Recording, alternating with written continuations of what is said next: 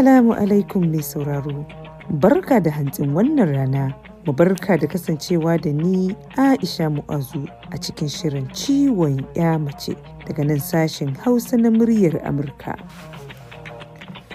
A yau takwas ga watan Maris shine ya kasance ranar mata ta duniya.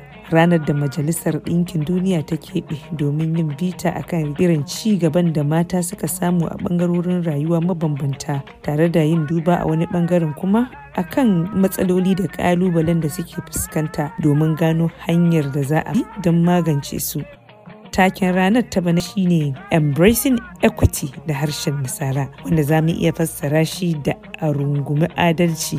Domin tattauna wannan maudu'i a yau mun gayyaci Hajiya Hauwa Mustapha Babura, 'yar asalin jihar Jigawa wacce a yanzu take zaune a jihar Missouri a Amurka. Sai Hajiya Huraira Musa wacce ita ma take zaune a jihar New Jersey a Amurka. Na kuma fara da neman jin ra'ayin Hajiya Hauwa a game da wannan rana.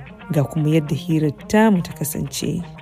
ina mai matuƙar farin cikin nuna murna ta ga wannan rana ta mata a duniya da majalisar ɗinkin duniya ta ware saboda nuna mahimmancin ya mace ko mata a al'umma gaba ɗaya a duniya. Lallai ya mace tana da mahimmanci a duniya a matsayinta ta mace a matsayinta ta uwa da take ‘ya'yanta a matsayinta ta shugaba wadda take da haƙuri da nuna juriya da sanin ya kamata a dukkan al'amura ba na cikin gida ba har na waje. Mata gaskiya a duniya a turance zan ce zai have come along. Su ma ana damawa da su yanzu. Tarihi yadda ya nuna ba ina nufin kamar tarihi a nan irin na ƙasashen wajen nan mata da ba ma a saka su a matsayin kama a ce suna da yanci wanda yake daidai da na ɗa namiji.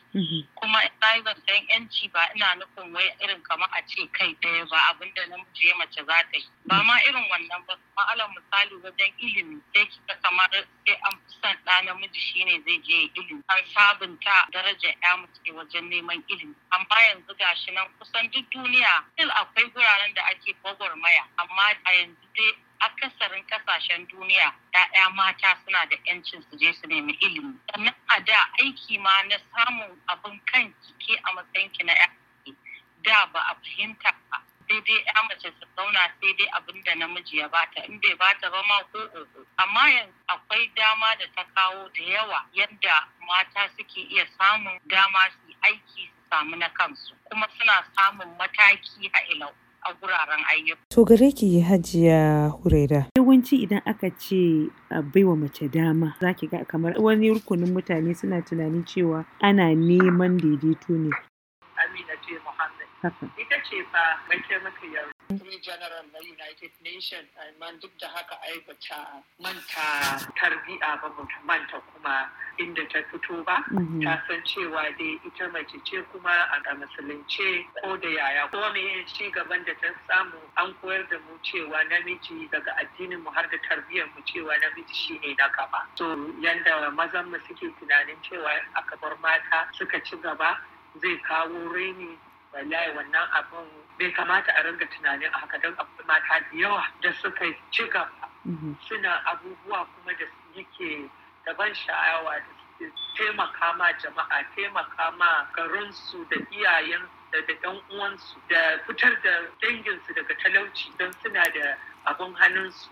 Ban tsammani in an ce wai a ce mazan da suke wannan tunanin ya kamata su fara ganewa ba haka suke nufi ba in mun ce a ba mace hanyar da za ta ci gaba ba wai ana cewa mace za ta zo tana dagar dagar da namiji ba Wannan tambayar taki ce Hajiya Hauwa. A na ki ra'ayin duk da cewa yanzu kina ƙasar Amurka, na tabbata kina mu'amala da mutane a can gida Najeriya da kuma sauran sassan duniya. Yaya kike kallon al'amarin a nan da kuma can gida kuma kamar wasu abubuwa ne suke janyo tarnaƙi wajen tabbatar da cewa mace ta kai ta cimma wani abu a rayuwa. A gaskiya kafin ma na fara cewa wani abu wanda zai nuna ci baya ko rashin samun ci gaba ga rayuwar ya mace a nahiyar afirka ma ba najeriya kawai ba sai na tsara wa afirka sosai musamman najeriya kasa ta ta farko. Akwai ci gaba sosai matakai kala-kala da ya nuna mana because idan na lura zan ga a zamanin iyayena shine zamanin da mata ba a ya je musu lallai su samu ilimi. Aka zo ga kan yayyena. Daga kan yayyena aka samu mata suna da yancin ilimi har da wasu da suke zuwa su yi aiki. Daga kan iri na yanzu an ban mu mun fito ko da miji ko ba miji. Iyaye daga kaina yanzu shekara ta na haura hamsin. Amma tun daga kaina aka yadda wa ya mace take iya fita ƙasar waje ta yi ilimi ta dawo ba lallai sai tare da mijinta ba. To yanzu kuma ƴaƴanmu suna da kama mukami a shugabanci kamfanin naka za a iya ɗaukar yanzu a afirka muna da mata suna tuka jirgin sama muna da mata suna shiga cikin aikin kare ƙasa kamar soja da mukamai da yawa. Akwai mata likitoci so ta wannan samun ci gaba ne. Kuma in kika za ki ga cewa ko a ƙasashen da aka ci gaba musamman ƙasa amerika da kowa dai ke kallo ya koyi da ita. Har a yanzu akwai gwagwarmaya a inda ba a kamanta mace da namiji kamar wajen biyan aiki. Za ki ga ma'aikatan idan an tashi mace aikin da za ta shi namiji zai amma sai a ɗara wajen biyan albashi sai a ba nan fiye da mace. To ganin cewa ƙasashe irin wannan ma da suka fi mu ci gaba har yanzu mace bata kai matakin namiji a daidaituwa ba a wasu ɓangaren to ai sai mun tsara wa kanmu mu kuma a afirka da sauran ƙasashen irin su najeriya. A gaskiya akwai ci gaba amma fa akwai sauran aiki. Na dawo gare ki hajiya hurera menene ra'ayinki game da taken ranar da bana? Ya kamata a wannan ya faru ma shekara da shi. Matan mu na najeriya ko na afirka suna da ƙoƙari suna da ilimi.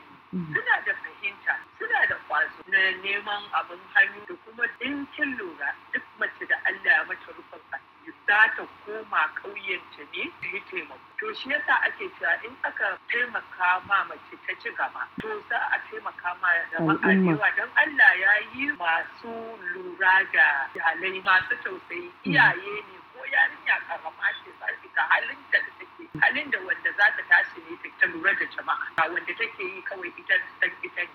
So a ce wai yanzu ke faruwa ko mun ji daɗi yanzu ne ya faru ya kamata a yi wannan abu. Wannan abin ya faru tuntuni dan muna da mata da yawa kamar Amina J. Muhammad ita ce fa mai taimakiyar babban sakatare majalisar ɗinkin duniya. gaba ɗaya. Duk da haka za ki ga tana riƙe da addininta tana riƙe da tarbiyyarta. Akwai wanda na gani an mata wani karau abinci tana magana da fulatanci tana magana da da hausa. Bata taɓa tuna cewa Allah ya yi bata wannan position ta fi maza dubu a Afirka. Dole ne su zo ƙarƙashin ta. Ban tambayi akwai wannan ma a cikin ta. Kawai ita ta san cewa an ba ta wannan dama wannan aiki ya kamata ta yi yadda za ta taimaka ma mutane jama'a gaba ɗaya ma ba mata kawai. Me kike gani ya kamata a yi domin tabbatar da cewa ita mace ta ci gaba duk da cewa ɗaiɗaikun mata da na hira da su sun ce matan Afirka su ma fa yanzu ana damawa da su amma da sauran rina a kaba. Ya kamata a bar mata su yi karatu. shi ne mafitar kome in mutum bai yi karatu ba ko da an dan kuɗin nan aka ce ki je ki kasuwanci da shi ba za ki iya miƙar da kasuwancin nan gaba don ba ki iya yanda za ki jujjuya shi ba. Amma in aka bar ki kika karatu ko da karatun nan bai kai university ba ko da primary ne aka ba mata kan yi wannan ranar farin ciki. Because gaskiya a kowane rana ci gaba muke. To amma abin da zan ma matan magana gargaɗe da muna samun an ba mu ɗan hanya mai ci gaba ku ringa ɗaukan wannan abu kai gida. In ya ce mu kai ƙauye don duk kuɗin galin mutanen da suke ƙasan kai abin da ba ma na take ce wani aka ce hajiya kin ga komai rufan asirin ki in baki taimaka uwanki na ƙauye ba ki da rufan asiri tana nufin cewa in ban kafa su suka yi abin hannun ba kullum za su zo su tambaye ni abin da za su kuma in ina ba kullum da za su abin da za su wanda kuɗin a kullum zai ƙare. Mai sauraro kada a sha'afa ana sauraron shirin ciwon ya mace ne daga nan sashen Hausa na muryar Amurka kuma da haka za mu naɗa tabarmar shirin a yau. Sai zuwa makon gobe idan Allah mai kowa mai komai ya kai mu, mu sake dawowa da wani sabon shirin. yanzu a madadin bakin namu da lokacin ma'aikatan sashen hausa na muryar amurka sai wanda ya daidaita mana sauti solomon abu ni aisha mu'azu nake cewa mu wuni lafiya